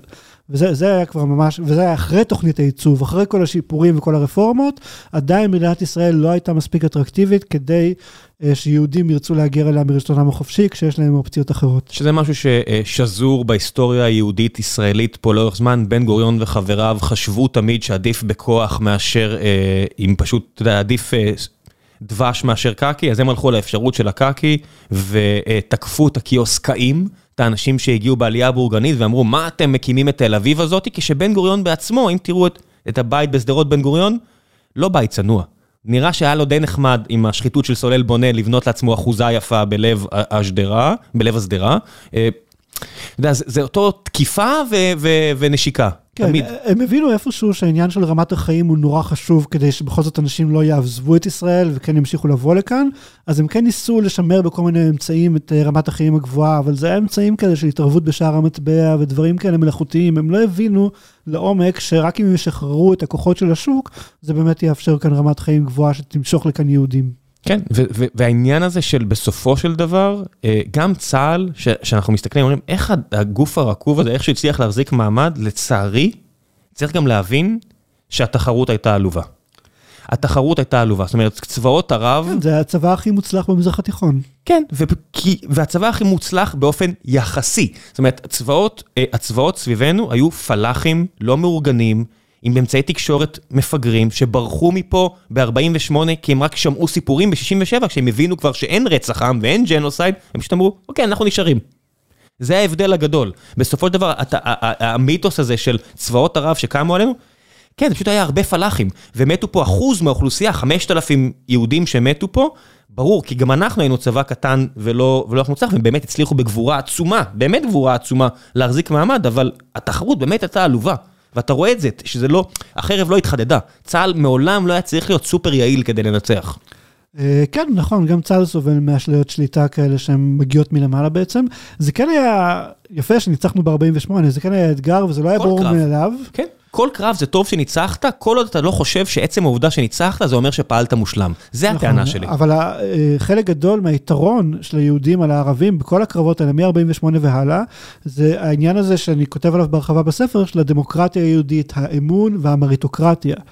הצבאות הערבים הם לא מריטוקרטים, אנשים שם נבחרים על בסיס קשרי קרבה לשבט, הרבה פעמים המפקדים הם אנשים נורא לא מוכשרים, הם לא הגיעו לשם בזכות כישרון. במדינת ישראל, מהבחינה הזאת, התנהלה מלכתחילה כמו מדינות מערביות בעצם. באופן יחסי. חשוב תמיד להדגיש, חבר מביא חבר ממטכ"ל ומטה היה נהוג, יש סיבה שעומר בר-לב היה מי שהוא, וזה לא רק בגלל היכולת שלו, זה גם בגלל השם שלו, אין לי בעיה להגיד את זה, שמעתי את זה ממספיק אנשים, אני מבטיח לכם שבעולם בלי ייחוס משפחתי, צמרת צה"ל הייתה נראית שונה. יכול להיות, וזה גם נכון גם לשוודיה וארצות נכון, הברית ושוויץ, נכון, נכון, אבל באופן יחסי זה הרבה יותר טוב מאשר מדינות מתפתחות. בדיוק, חשוב פשוט להגיד שאנחנו אומרים מריטוקרטיה, זה מריטוקרטיה יחסית. בסופו של דבר נולדת בירוחם, היכולת שלך להיות גנרל כמו מר בר-לב, הייתה פחותה בצורה ניכרת. זה לא ש... תה, יש לי פה משקיע, אדם מדהים בשם פנחס בוכיס, לך תגיד לו שאין מזרחים בסיירת מטכ"ל. הצליח להגיע והגיע לתפקידים מדהימים, אדם סופר מוכשר. זה לא שלא היה אפשר, אבל היו בעיות. כן, נכון, אבל העניין הזה של מריטוקרטיה ואמון בשלטון, זה בעצם מה שאפשר לנו לנצח את צבאות ערב ב-48, כשהיינו למשל למעשה במצב הכי גרוע מבחינה ביטחונית. זה בדיוק העניין הזה של יתרון יחסי, וזה מביא אותנו לכלכלה, אתה תמיד צריך להסתכל על התחרות, אתה לא יכול להיות מנותק מהתחרות, אתה תמיד צריך להבין, אם אני עושה טקסטיל, מה אנשים אחרים עושים בטקסטיל? זאת אומרת, האנשים לא מבינים, זה שג'ינס עולה בארץ היום, כמו שהוא עלה בשנות ה-90, אותו מטבע, אותו כמות של שקלים, באמת, ג'ינס, זה, זה, אתם לא מבינים כמה זה בזכות הורדת החסמים וגלובליזציה. זה לא טריוויאלי, אין הרבה מקרים בעולם, יש מקרה של אה, בקבוק קוקה קולה שבמשך 50 שנה עלה אותו מחיר בין אה, אמצע המאה ה-19 לתחילת המאה ה-20, זה מדהים. וזה נכון עם ג'ינסים פה בארץ, תחשבו על זה, זה, לא, זה מטורף, זה אותו סכום. למרות האינפלציה וכל הדברים האלו. למה? אה, כן, זה למעשה ירידת מחיר ריאלי, כן, אם אתה מסתכל יחסית להכנסה של אנשים. כן. אבל זה נובע מפתיחת השוק לתחרות בשנות האלפיים, ששוב פעם, היו כאן את יצרני הטקסטיל שהם התנגדו, יצרני הטקסטיל הצליחו לעצור את הפתיחה לתחרות שאחרי תוכנית הייצוב. הם הצליחו לעכב את זה, הם טענו שהם צריכים זמן להסתגל וכולי, וכל הטיעונים הרגילים. בסופו של דבר הממשלה התגלגלה עם זה, ובתחילת שנות האלפיים סוף סוף חשפו את אה, שוק הטקסטיל אה, ליבוא חופשי. היצרנים כמובן קיבלו מענקי אה, הסתגלות וכאלה דברים, וזה לא עזר בכלום. אחרי זמן קצר כל תעשיית הטקסטיל, רוב תעשיית הטקסטיל עזבה את הארץ. שזה, שזה משהו שגם מאוד חשוב בספר שלך, ולכן אני מאוד ממליץ לקרוא אותו, זה בסוף העניין האופטימי. כשאתה עושה צעדים כואבים, הם כואבים. אי אפשר, אי אפשר להתעלם מהעובדה שבסופו של דבר יש אנשים שלא הסתגלו, הם מבוגרים מדי, לא מתאימים מדי, זה קורה לכולנו, יקרה לכולנו. החיים בסוף לא אופטימליים לכולם בכל רגע נתון, אבל אתה רואה כמה מהר השיפור הוא חיובי. שנות ה-80, מהר מאוד זה נהיה חיובי. נכון, יש משהו שחשוב לזכור בנוגע לקבוצות אינטרס, וזה נוגע גם לחרדים, גם לחקלאים, גם לכולם. קבוצות האינטרס צריכות לנצח כל שנה, שנתיים מחדש. כל פעם יש מאבק חדש שהם צריכים לנצח בו ולמנוע את השינוי. לעומת זאת, הכוחות החיוביים שמתנגדים לקבוצות האינטרס, צריכים לנצח רק פעם אחת. ברגע שהם מנצחים, שום ממשלה לא יכולה להחזיר את הגלגל לאחור, כי התוצאה תהיה עליית מחירים מיידית ופגיעה, וכולם יראו את, ה, את החלק השלילי. לכן קבוצות האינטרס, כל מה שהן צריכות זה להפסיד פעם אחת, וזהו, והן נמחקות. וזה נכון גם לאל על עם מדיניות שמיים פתוחים, זה נכון לחקלאים, זה נכון ליצרני הטקסטיל, ולכן בעצם העולם מתקדם קדימה למקום טוב יותר. יש מקומות שאתה מרגיש שזה בכל זאת כן מסוכן? זאת אומרת, אני, אני תמיד יש את הטענה הזאת על, על רגולציה והסכנה בהורדת הרגל, למשל עם אובר. אה, כשאתה מסתכל על אובר, נהגי המוניות, מצד אחד אתה שומע את הטענה של, אבל שילמתי מיליון שקל על המספר, תמוטטו אותי כלכלית. נכון. אני לא רואה גם איך מפצים עשרת אלפים נהגי מוניות במיליון שקל, כי זה יהיה סכום מטורף שהציבור לא, לא צריך לשלם אותו. מצד שני, אז זה הטענה שאני לא יודע, וזה פשוט למשוך את הפלסטר ואין מה לעשות. Uh, מצד שני, אני אומר, הרגולציה. זאת אומרת, האם באמת נכון שכולם ינהגו? לא יודע, אה, בארצות הברית זה עובד. כן, אה, טוב, כל רגולציה לגופה. יש מקומות שבהם זה לא נכון, יש מקומות שבהם נדרשת רגולציה. למשל, אה, הדוגמה הקלאסית זה זיהום סביבה. כן, זו הדוגמה שאני גם נתתי שלימדתי מבוא לכלכלה, ובדרך כלל נותנים על מפעל שמזהם איזשהו נהר, ומי שנפגע מהזיהום זה אנשים שנמצאים בהמשך הנהר, הם לא עובדים במפעל, אין להם שום קשר, אז אין בעצם שום דרך לתאם בין האינטרסים של המפעל לאינטרסים של האנשים האלה, זה נקרא השפעות חיצוניות שליליות, וזה משהו שממשלה יכולה לתקן באמצעות איזושהי רגולציה סביבתית למשל. אז יש הרבה דוגמאות כאלה, אבל ישראל, שוב פעם, בנקודות האלה היא תמיד הרבה הרבה יותר קיצונית ממדינות אחרות, בגלל אה, אשליית השליטה ובגלל הכוח שיש לממשלה ולרגולטורים שלה. אז הנטייה תמיד היא ללכת לקיצוניות מוגזמת. מה בכתיבת הספר הפך אותך אה, ליותר פסימי ומה ליותר אופטימי? אמ, שאלה טובה. אני חושב שהחלק האופטימי זה באמת לקרוא איך אה, גם בתוכנית הייצוב וגם ב-2003, שבנימין נתניהו היה שר האוצר, אה, בשני המקרים האלה הממשלה הצליחה להתגבר על אינטרסים צרים ולהתקדם קדימה. אז אני חושב שזה ממלא אופטימיות, כי אתה חושב, מאוד מאוד קל כאילו להיות שקוע במאבקים הנוכחיים ובמה שקורה כרגע ובעיתונים ובהכל.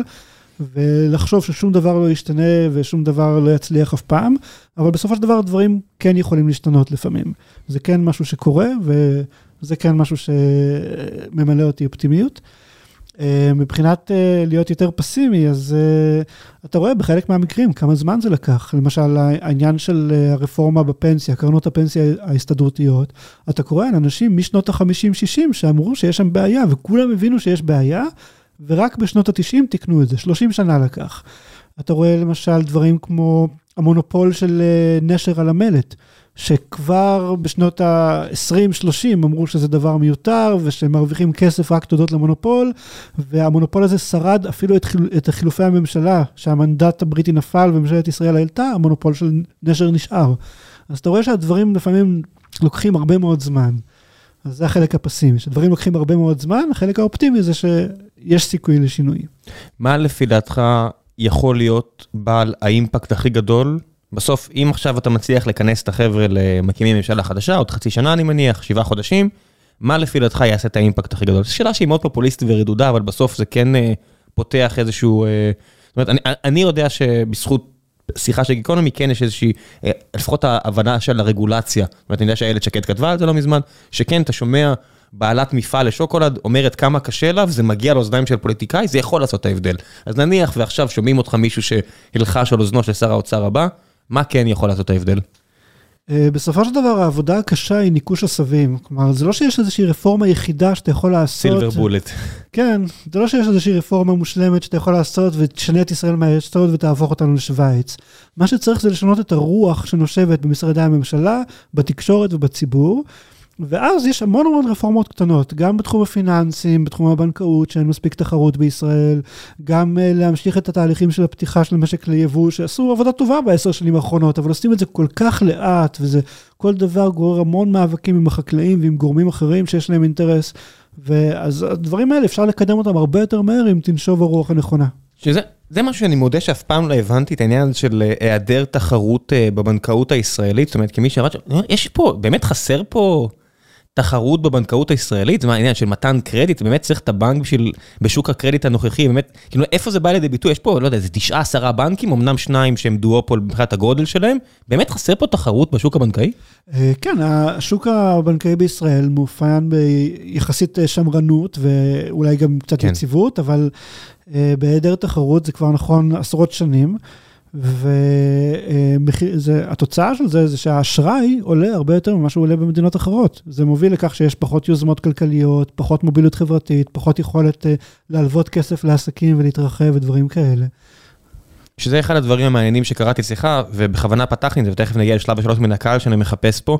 אה, אחד הדברים אה, שמעניינים זה שאתה אומר, ולא חשבתי על זה אף פעם, איך אין פה HSBC?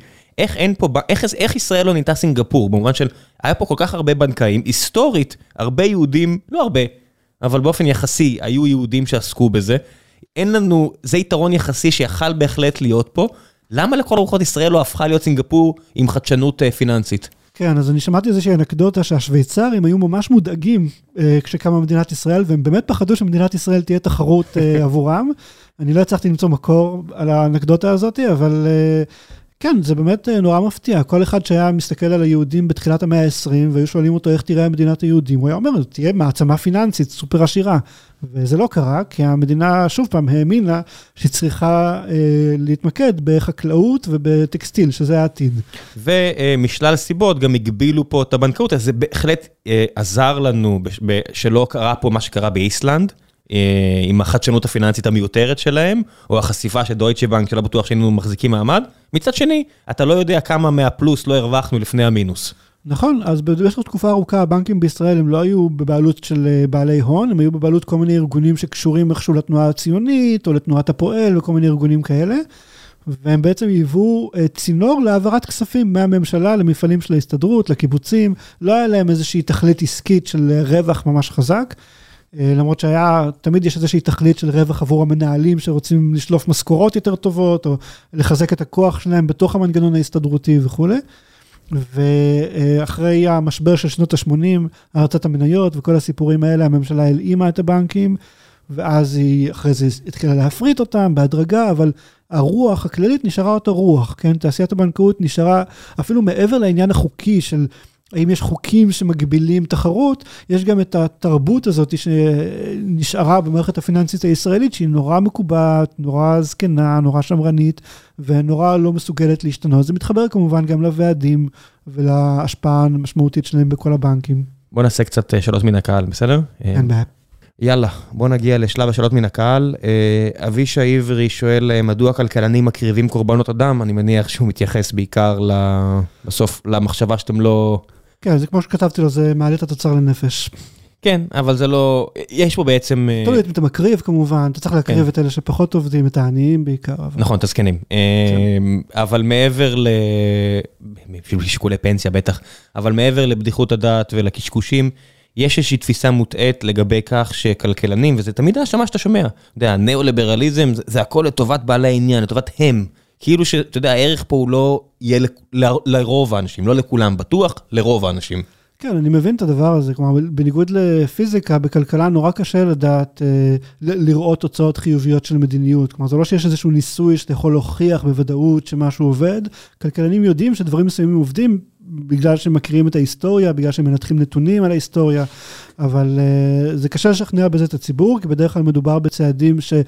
צריך לחשוב על התמריצים, צריך לחשוב על אפקטים מדרגה שנייה, מדרגה שלישית, ולהרבה אנשים זה קשה, הם רואים את הפגיעה המיידית והם לא רואים את הרווח העתידי. ניל בר שואל, מתי אתה עושה הסבה למדעי הרוח במקום להתעסק בשטויות, ושתמליץ גם על הספר שלי, אז אה, הס- הספר של אה, ניל על ספרטה, שאני קרוב לסיים אותו, ואז גם אני אזמין את ניל אה, לבוא להתארח, אני רק מבטיח לו כבר כמה חודשים. זה הבעיה, ששולחים לי הרבה ספרים טובים, אז נוצר קיו. ואתה יודע, יש את אלדן רינג בפלייסטיישן, אז זה תופס לי זמן. אה, זה באסה, אבל באמת מה שקשור למדעי הרוח, אתה רואה שזה בסוף מבחינת ספרים, אנשים לא רוצים לקרוא ספרים של כלכלנים, רוצים לקרוא ספרים של מדעי הרוח, ואם אפשר להביא את הכלכלה, פתאום זה כן מעניין. אה, כן, גם הספר שלי הוא יותר היסטוריה כזה מאשר כלכלה, אבל, אה, ועוד לא יצא לי לקרוא את הספר של ניל בר, גם אני רוצה לקרוא אותו. אה, אני לא רואה את עצמי עושה הסבה למדעי הרוח בזמן הקרוב, ולצערי חשבון הבנק שלי לא יאפשר. הספר נקרא אה, שווים, אה, ואני ממליץ עליו, גם לא, עדיין לא סיימתי, וזה ספר מעולה, אני אשאיר לכם לינק. תשמע, זה, זה, מה שאמרת עכשיו, זה משהו שפעם היה מאוד מפריע לי, שאי אפשר לעשות את הדברים האלה במשרה מלאה, להיות עיתונאי, לא יודע מה כאלה. אני מודה שיותר ויותר פחות מפריע לי. כן, אני חושב שאנשים יכולים לעשות את זה גם אה, תוך כדי עבודות אחרות. כן, מהצד. נכון. זאת אומרת, אה, אה, הייטק זה לא באמת אה, תשע על תשע, כמו שדוב חנין פה חשב שהוא אמר לי שהוא הגיע לבקר. זה לא, זה לא, יש מספיק זמן. אני נכון. מודה שזה מבאס באיזושהי רמה שאי אפשר לעשות משהו כזה full time, אבל אם זה המציאות, זה המציאות.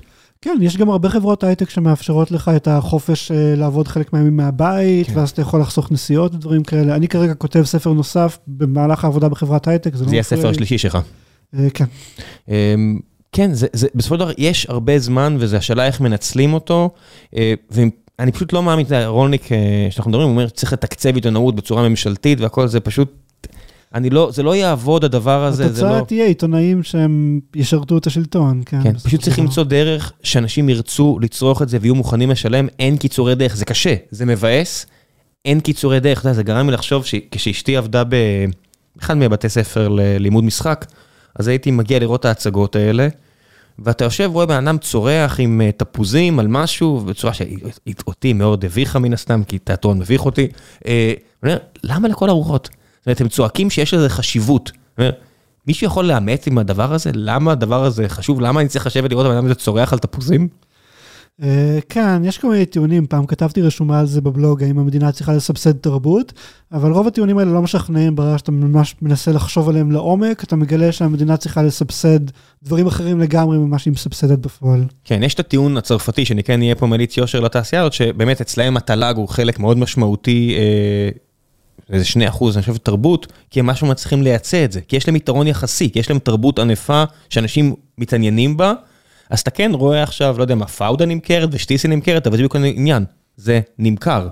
יש איזה חשיבות, אז אם זה נמכר, אנשים ירצו ללמוד לשחק, אנשים ירצו ללמוד לשחק, יהיה משחק, אנשים רוצים תיאטרון, יש פה הצגות שמרוויחות, אתה יודע, שממש מכניסות, והשחקנים מתפרנסים היטב, פשוט יש הרבה מאוד דברים שלא מעניינים אנשים, ועם כל הצער שבדבר, הגיע הזמן להפסיק את זה. כן, זו סובסידיה שמגיעה בעיקר לקבוצה שהיא די עשירה גם ככה, אנשים שכן. הולכים לשם. וזה קבוצות פצפונת, זאת אומרת, אם הטענה היא, אף אחד לא רוצה לראות את ההצגה, תסבסדו את זה, אומר, אז לא צריך להיות את ההצגה.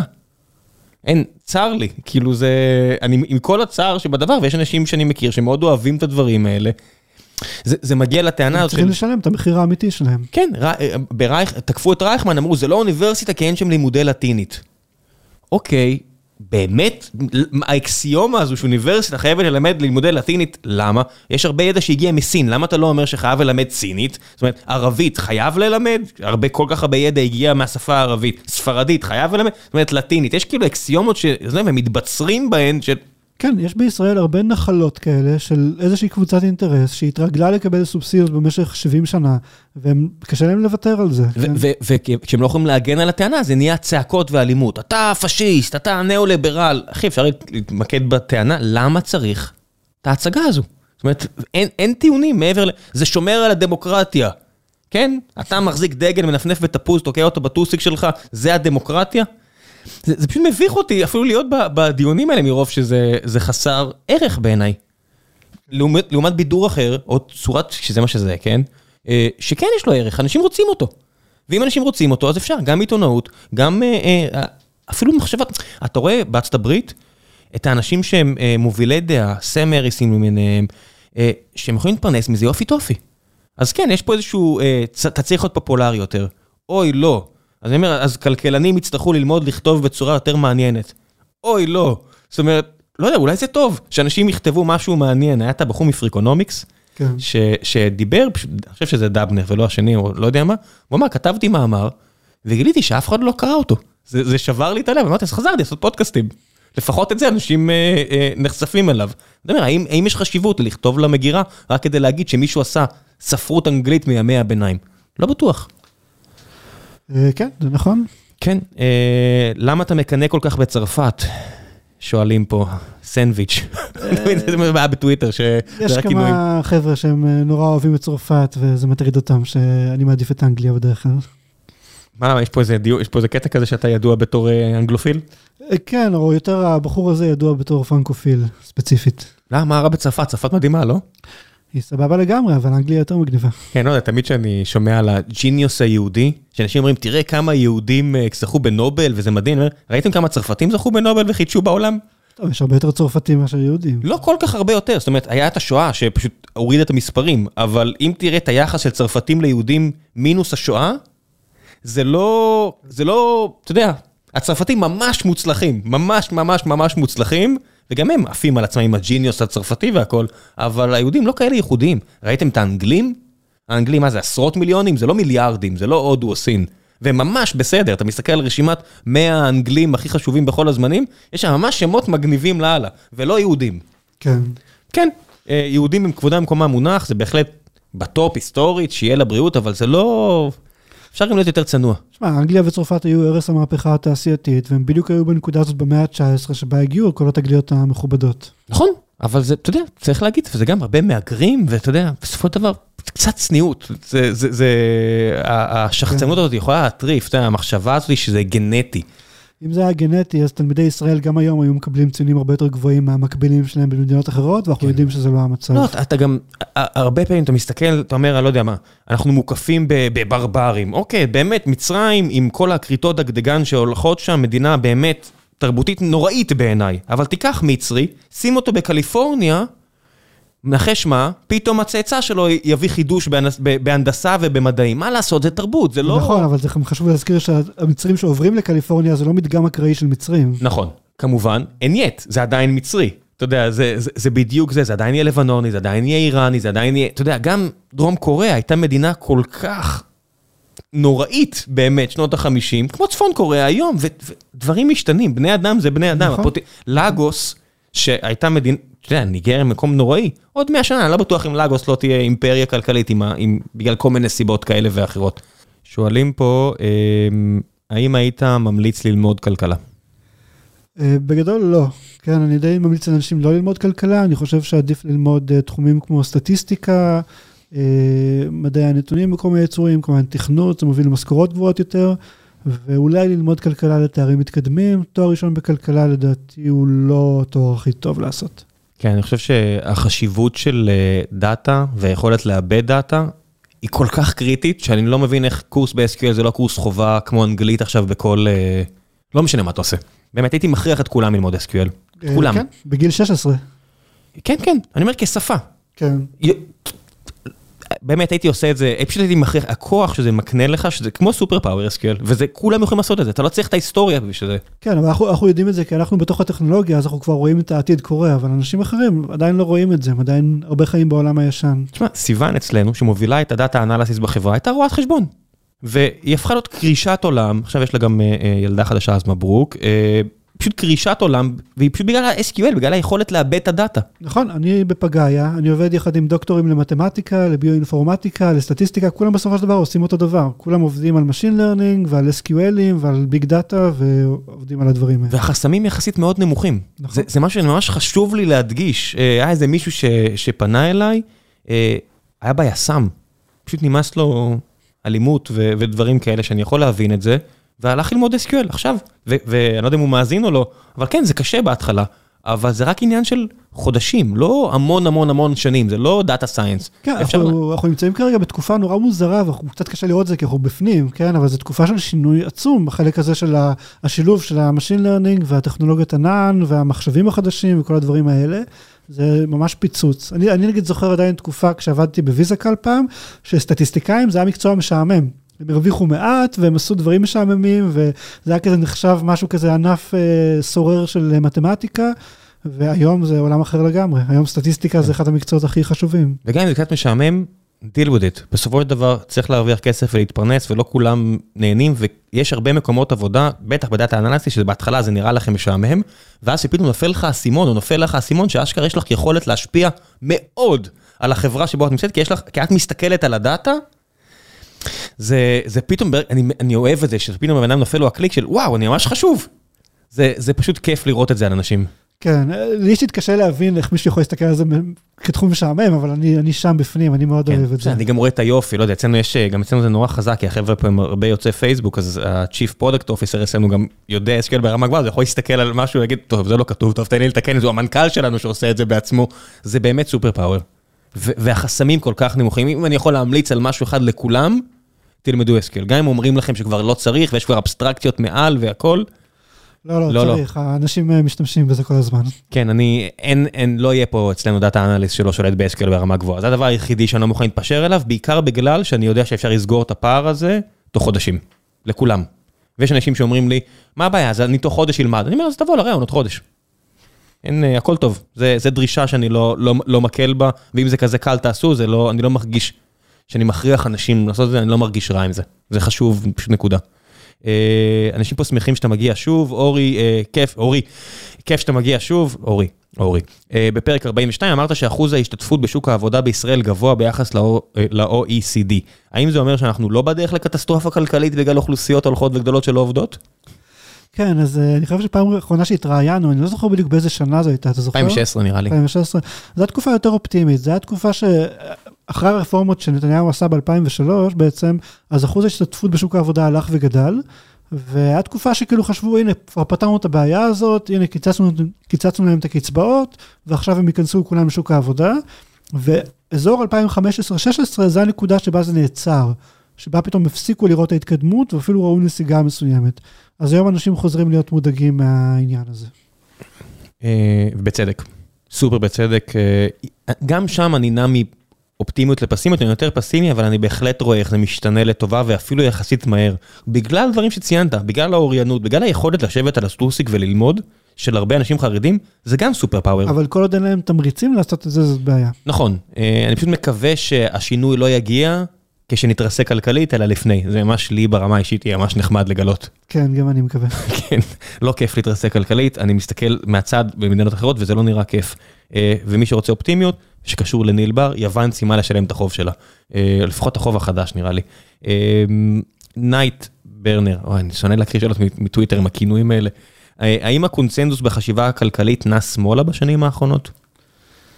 אה, כן, אני חושב שהייתה תנועה שמאלה, לא יודע אם בשנים האחרונות, עשורים אחרונים אולי, הייתה איזושהי תנועה שמאלה, אה, באופן מסוים יחסית ממה שנקרא אה, אסכולת שיקגו וכל הדברים של שנות ה-80, אז הייתה איזושהי תנועה יותר לכיוון של לחקור אי שוויון, לחקור דברים שמעניינים סוציולוגים גם ודברים כאלה. פיקטי והצרפתים, תמיד בגלל זה אתה לא אוהב אותם. גם. כן, זה ההפרדה הזאת בין החבר'ה שלמדו באמת ליד הלייקס לעומת החבר'ה שלמדו ליד האוקיינוסים. אמ, איך הייתה, איך היה לחזור מארצות הברית? היה קשה. כן, יש לי עכשיו איזה חבר שחוזר אחרי הרבה הרבה שנים.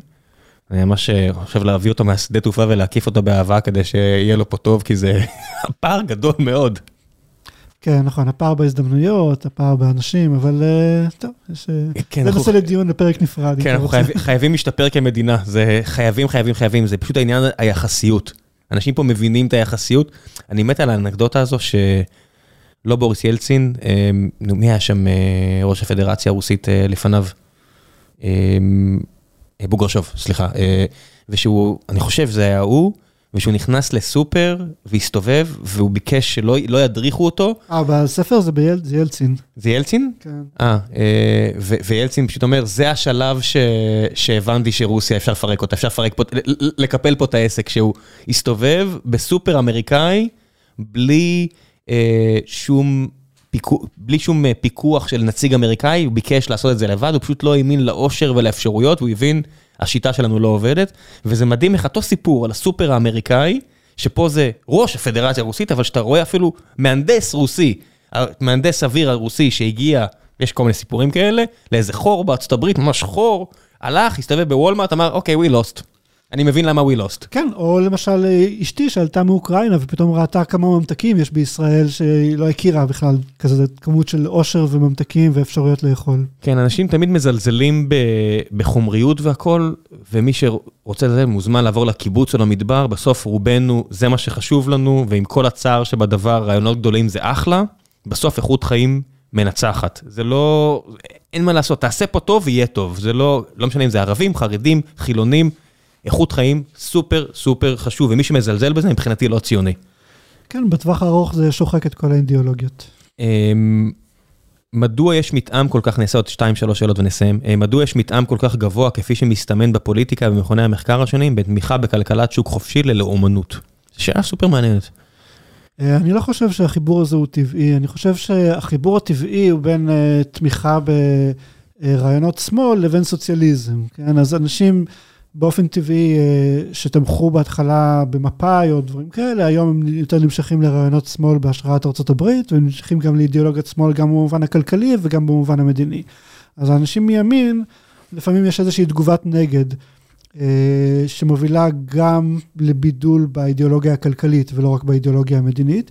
אבל כשאתה ממש מדבר עם מצביעים של מפלגות ימין או עם פוליטיקאים מימין, אתה מגלה שהתפיסה השמאלית אצלם היא נורא חזקה והרבה מהם הם בעצם סוציאליסטים והאמונה הימנית כלכלית אצלם היא יותר עניין רטורי מאשר משהו שהם באמת מאמינים בו. כן, אני חושב שהרבה מהם סוציאליסטים רק בגלל שהם הגיעו מערכות ציבוריות גדולות ואף פעם לא עבדו במקום פרטי, אתה יודע, זה הרבה גנרלים וזה הרבה חבר'ה של מערכות ציבוריות, אז בגלל זה, כי הם אף פעם לא נחוו. כן, כלומר, מה שמאחד אותם גם משמאל וגם מימין, את כל הפוליטיקאים, זה התפיסה הריכוזית, זה אשליות השליטה, זה הרצון להכווין את האוכלוסייה לנגב, להכווין את האוכלוסייה להייטק, להכווין, להכווין להיות גנרל. וזה מאפיין גם את יאיר לפיד וגם את בנט וגם את כל החבר'ה שם. כלומר, אף אחד מהם לא רוצה לתת לשוק החופשי לצמוח מעצמו ולמציאות להתעצב מעצמה, וזה בסופו של דבר מה שעושה את ההבדל. יניר מנור, נעשה עוד שתי שאלות וזהו. יניר מנור שואל, האם לדעתך שוק הנדל"ן והמשכנתאות מנופחים ובעתיד הקרוב הולכת להיות נפילה כואבת?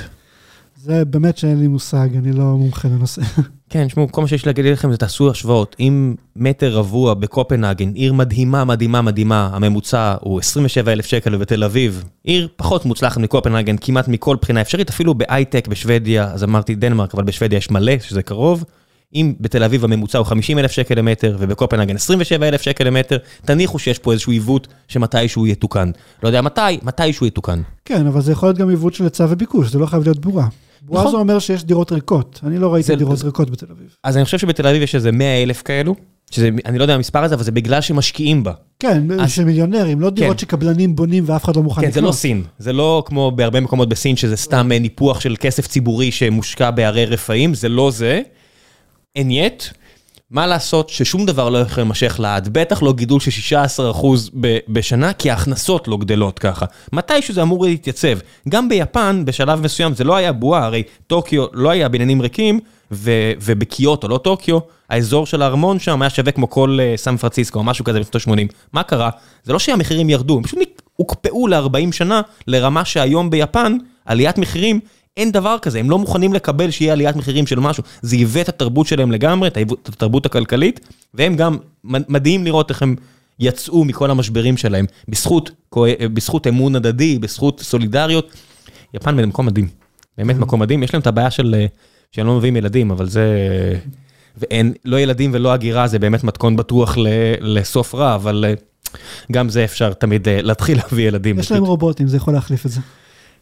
עד לרמה מסוימת, ראיתי בגרפים האלה של אה, אחוז החקלאות, די מדהים לראות שהם ניסו לנגח, להציל את החקלאות הכלכלית, ואמרו, תראו, ישראל אחרונה ב-OECD, מה זאת אומרת, מי לידינו, ואתה רואה את כל המדינות שאנחנו רוצים להיות כמותן, מלבד יפן וניו זילנד, שזה אחלה מדינות עם הרבה חקלאים. כן, נכון. בניו זילנד, אגב, הם שחררו את השוק החקלאי, אה, שחררו את היבוא, עשו רפורמות כאלה לפני כמה עשרות שנים, וזה עבד מצוין. כן, מי שרוצה להיות חקלאי, אני מאוד אשמח, אני מאוד אוהב תוצרת מקומית. אם אפשר לעשות את זה בצורה כלכלית, זה באמת, אני גם אוהב לטייל במקומות האלה, אז ברור שאני אוהב את זה כבן אדם, אני פשוט לא חושב ש... כן, בניו זילנד כנראה יש יתרונות יחסיים בתחום הזה. כן, אני לא, לא יודע מספיק, אני לא הייתי שם אף פעם, אני לא, לא יודע. אה, אני אשמח להיות, פשוט נראה לי טיסה ארוכה. אה, זהו, שאלה אחרונה, אה, איך גורמים לילדים לקרוא את הספר שלך במקום לשחק פורטנייט? שרון שואלת. אה, לא יקרה. טובה, לא חושב שזה יקרה. ניסיתי לגרום לבן שלי לקרוא את ההקדמה, אז הוא קרא את ההקדמה, אבל בינתיים אין לו חשק מעבר לזה. מקווה שהם יגדלו, שזה יעניין אותם. אין, אה, בסוף אי אפשר להכריח אנשים. אה, אני חושב ש... הספר שלך הוא לא ספר קלאסי לכלכלנים, והרבה יותר אנשים, אני מקווה. א', ראיתי, כשהייתי עכשיו טסתי, ראיתי מישהו קונה אותו בשדה, אה, אז שמחתי לראות. אה, ואני חושב שאחרי הפרק הזה עוד אנשים יקנו אותו, בסוף בגלל שהוא מסופר כל כך טוב, אתה כותב כל כך טוב, אנשים יקראו אותו. יובל נוח הררי הגיש רעיונות שגם אם אני לא מסכים רובם, אתה ספר עדיין מעניין. אה, והרבה אנשים קראו את זה כי זה כתוב טוב. אנשים אומרים, זה לא מדויק ב-100%, אני מעדיף מעשיר ולא מדויק, שמדויק רק ב-80% מאשר על uh, משהו אחר, וזה העתיד. למה פורטנייט עובד? כי זה מבדר. תהיו מבדרים, מה לעשות? אין... Uh, אתה לא יכול להכריח ילדים. כן, אני השקעתי המון מאמץ בלכתוב את הספר הזה בצורה מעניינת ונגישה, ויחד עם זאת לשמור על דיוק ולא לא להיות כבד יותר מדי. כן, אה, ועשית עבודה מעולה. וגם חשוב להגיד תודה לאורחים של הוצאת כנרת, שגם אה, חתכו לי כמה קטעים שם שלא היו טובים, והם עצבנת? עשו עבודה בצדק. אה, זה תמיד קצת מעצבן, אבל בסופו של דבר אני רואה שהם צודקים. מה עשית עם הקטעים שנערכו החוצה? פרסמת בבלוג? לא, לא פרסמתי, חלקם באמת היו מיותרים, בדיעבד, אני מסתכל על זה. מה זה מיותרים? אז תן לי להכריע, מה אכפת לך? הרחבות כאלה של עוד, עוד, עוד אה, הסברים על אותה נקודה, או להיכנס לכל מיני פינות שלא באמת מעניינות אנשים. DLC, תראה מה אפיק עושים עם פורטנייט, אז לא כל העונות מוצלחות, אבל הם מוציאים את זה גם. לעשות אה, גרסת הבמאי. כן, תוציא, אתה יודע, תוציא את זה. תשמע, זה שאני מוכן, אני משלם על תוכן, אני אוהב לשלם על תוכן, אני תמיד אומר את בן תומסון ו-The Information וכל מיני כאלה שקשורים למה שאני צריך לדעת, אבל גם תוכן של ספרים, אז תוציא ופשוט, גם אם פחות יקראו, זה היה יותר טוב מאפס, לא? אה, בסדר, נחשוב על זה בהזדמנות. מה הספר הבא שלך? Uh, כרגע אני עובד על ספר מדע בדיוני בכלל. לא, כן. תלמד אותי על כלכלה. אבל uh, כן, יש עוד רעיונות גם לספרים על כלכלה. טוב, למרות שרוברט איינלן ידע להכניס הרבה מאוד רעיונות במדע בדיוני שלו, כמו הרבה אחרים.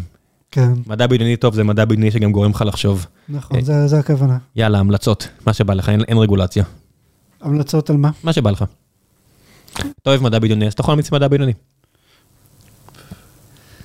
אה, לא באתי מוכן לזה. אני יודע, ככה זה, למרות שאנחנו עושים את זה הרבה, אה, עדיין. תחשוב על מה שבא לך. אני בינתיים, אה, בוא נראה על מה אני אמליץ. אני הולך להמליץ על הסדרה ברי, זה לא כמו ברי הילד שלי עם E אלא עם A. באמת סדרה מופלאה, מופלאה, מופלאה. אני, אני מסתכל על המסך ואני לא מאמין למה שאני רואה. כמה שפחות שתדעו, תראו את זה, כמה שעדיף שפחות תדעו, פשוט תראו את זה. באמת סדרה מופלאה ומאוד מעניין לראות איך אלמנטים של פנטזיה פתאום נכנסים לתרבות. אז זה גם אה, אה, Barry וזה גם אטלנטה, מעבר ליומרנות של אטלנטה, זה עדיין סדרה מדהימה, ו, ו, ובטח Game of Thrones, ועכשיו ה-prequel, ואתה רואה כמה מרוול חזקה. נראה שמשהו ב, בקיום הנוכחי שלנו מצריך אה, פחות ריאליזם ויותר פנטזיה, וזו סדרה שהיא קצת פנטסטית, אבל עדיין, אני ממש ממש נהנה, אני לא זוכר מתי נהניתי ככה. מסדרה, אז ברי, B-A-R-R-Y, מאוד מומלץ, אה, נמצא בכל הרשתות אה, היקרות והציבוריות בארץ או במקומות אחרים. אוקיי, okay, אז אני אמליץ על אה, ספר אה, שאהבתי כרגע, הוא נמצא רק באנגלית, עדיין לא תרגמו אותו לעברית לצערי, שנקרא אה, The Righteous Mind. של ג'ונתן היידט, אני חושב שזה אחד הספרים החשובים ביותר שנכתבו, זה ספר ש... וואו, איזה המלצה. כן. The Righteous Mind, מה זה? זה ספר שמדבר על איך בעצם אה, אנשים מופרדים על ידי פוליטיקה ודת, ואיך הדברים האלה משפיעים על האופן שבו אנחנו חושבים, איך שמאלנים תופסים ימניים, איך ימניים תופסים שמאלנים, ומה בעצם ההבדל הבסיסי בהשקפות של אה, קבוצות פוליטיות שונות. הוא מדבר כמובן על מחקרים, הבן אדם הוא אה, פסיכולוג, הוא חוקר. אה, רצו לתרגם את הספר הזה לעברית, בינתיים זה לא יצא, אבל ספר נורא נורא חשוב, שאני חושב בעיקר הוא מסוגל להסביר גם לשמאלנים איך ימניים חושבים, וגם לימניים איך שמאלנים חושבים, ולגשר על המון פערים בצורה מעניינת. יו, איזה המלצה מדהימה, אני... יש אודיבול? יש מה? יש אודיבול? יש גרסת אודיו כבר? יכול להיות, לא בדקתי. אני אבדוק את זה, אם לא, אני אקפוץ לקנות עכשיו או אזמין. איזה המלצה כיפית, אני, אני בטוח אצרוך את זה. אנשים שואלים אותי הרבה פעמים למה אני מנסה, למה חשוב לי לאזן את התכנים שלי, למה תמיד להגיד מככה וככה, כי אני רוצה שאנשים יצרכו את זה. כשאתה מעדן את המסר, אנשים יותר מוכנים לקבל אותו אם אתה מקצין את המסר שלך. נכון. כאילו, הקצנה טובה לבייס שלך. אם אתה רוצה שיותר אנשים ייחשפו לדעות שלך, תעדן, מה לעשות. כן, נכון. כן, מה יותר חשוב לכם, להיות צודקים בראש שלכם? כי מן הסתם קיצוניות זה הגרסה שלכם, אז אתם יותר צודקים בראש שלכם, או שאנשים אשכרה ישנו את דעתם? זה השאלה. כן. זה מבחינתי, כל מי שאני רואה אותו נורא נורא נורא קיצוני, הוא לא באמת מנסה לשכנע. נכון, אבל הספר הזה באמת עוסק יותר בהבדלים העקרוניים בין הימין לשמאל, ומאיפה הדברים האלה נובעים בעצם, ואיך הם משפיעים על השני. יו, איזה המלצה מעולה. בן אדם, תודה רבה רבה רבה שבאת, אני מחכה כבר לספר הבא שלך, גם אם זה מדע בדיוני, אני אוהב מדע בדיוני, פשוט כואב לי שאתה לא הולך לחנך אותי יותר, ויש לכם את הפודקאסט שלכם, שאני מאוד ממליץ עליו, אין מספיק פרקים, אבל זה כבר בעיה שלכם. כן, הרס יצירתי. כן, הרס יצירתי, כמו שום פטר, איך קוראים לכלכלן?